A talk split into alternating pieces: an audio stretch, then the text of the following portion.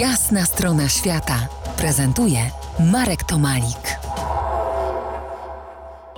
Po jasnej stronie świata Kazimierz Szeliga, przewodnik sztolni Czarnego Pstrąga wpisanej na listę Światowego Dziedzictwa UNESCO.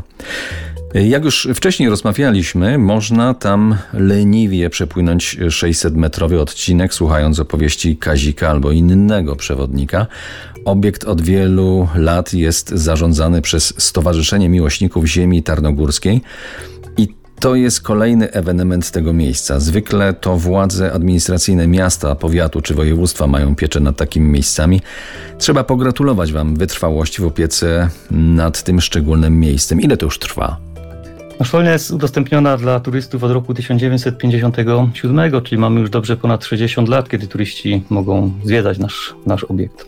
Prócz y, standardowych w sensie turystycznym przejażdżek łodziami w podziemnej sztolni macie jeszcze, to znaczy organizujecie atrakcje dla tych bardziej spragnionych adrenaliny. Jest to, uwaga, miejsce morsowania.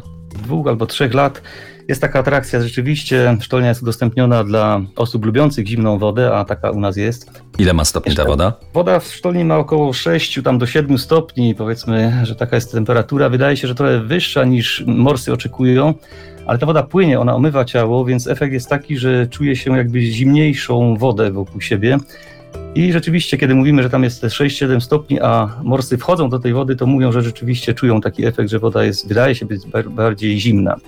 Natomiast przyjeżdżają do nas grupy z całej Polski, ludzie szukają różnych wrażeń, atrakcji, więc przyjeżdżają. Jest to dosyć popularne, popularna impreza. Co weekend organizujemy, także bardzo zapraszamy na kolejny raz, na kolejny weekend. No ale jest też możliwy przejazd yy, czy przepłynięcie podziemny, rafting pakraftami. Czym są pakrafty? Pakrafty to takie dosyć charakterystyczne jednoosobowe pontony. Wsiadamy z turystami, znaczy w sensie takim, że turyści wsiadają w pakrafty, w te pontony przybie Sylwester, dostają oczywiście odpowiednie wyposażenie i płyną sobie swobodnie w dół, czyli z prądem wody, mówimy w dół, ale to z prądem o to chodzi. Docieramy do szybu Sylwester, oczywiście w asyście przewodników są zawsze przewodnicy na łódkach, którzy asekurują grupę. Ale to jest samodzielne przepłynięcie. Samodzielne, tak, tylko że z przodu i z tyłu jakby są, jest asysta przewodników. Na, na tych łodziach naszych standardowych, które mamy w sztolni, Natomiast chodzi o to, żeby w razie, gdyby była taka potrzeba, to jesteśmy blisko gdzieś, natomiast oni nas jakby no, nie muszą obserwować, mają swobodny przepływ, jest dosyć ciemno na trasie, więc my im tam za bardzo nie przeszkadzamy, a oni mogą sobie płynąć swoim własnym tempem. No i potem trzeba wrócić oczywiście, więc tu jest trochę gorzej, bo tu już turysta musi jakby sam zadbać o to, żeby pokonać ten prąd wody i wrócić do szybu Sylwester, ale to nie jest trudne, pakrafty to są takie bardzo lekkie pontony, więc tam wszyscy dają radę, spokojnie sobie do tego szybu wracają.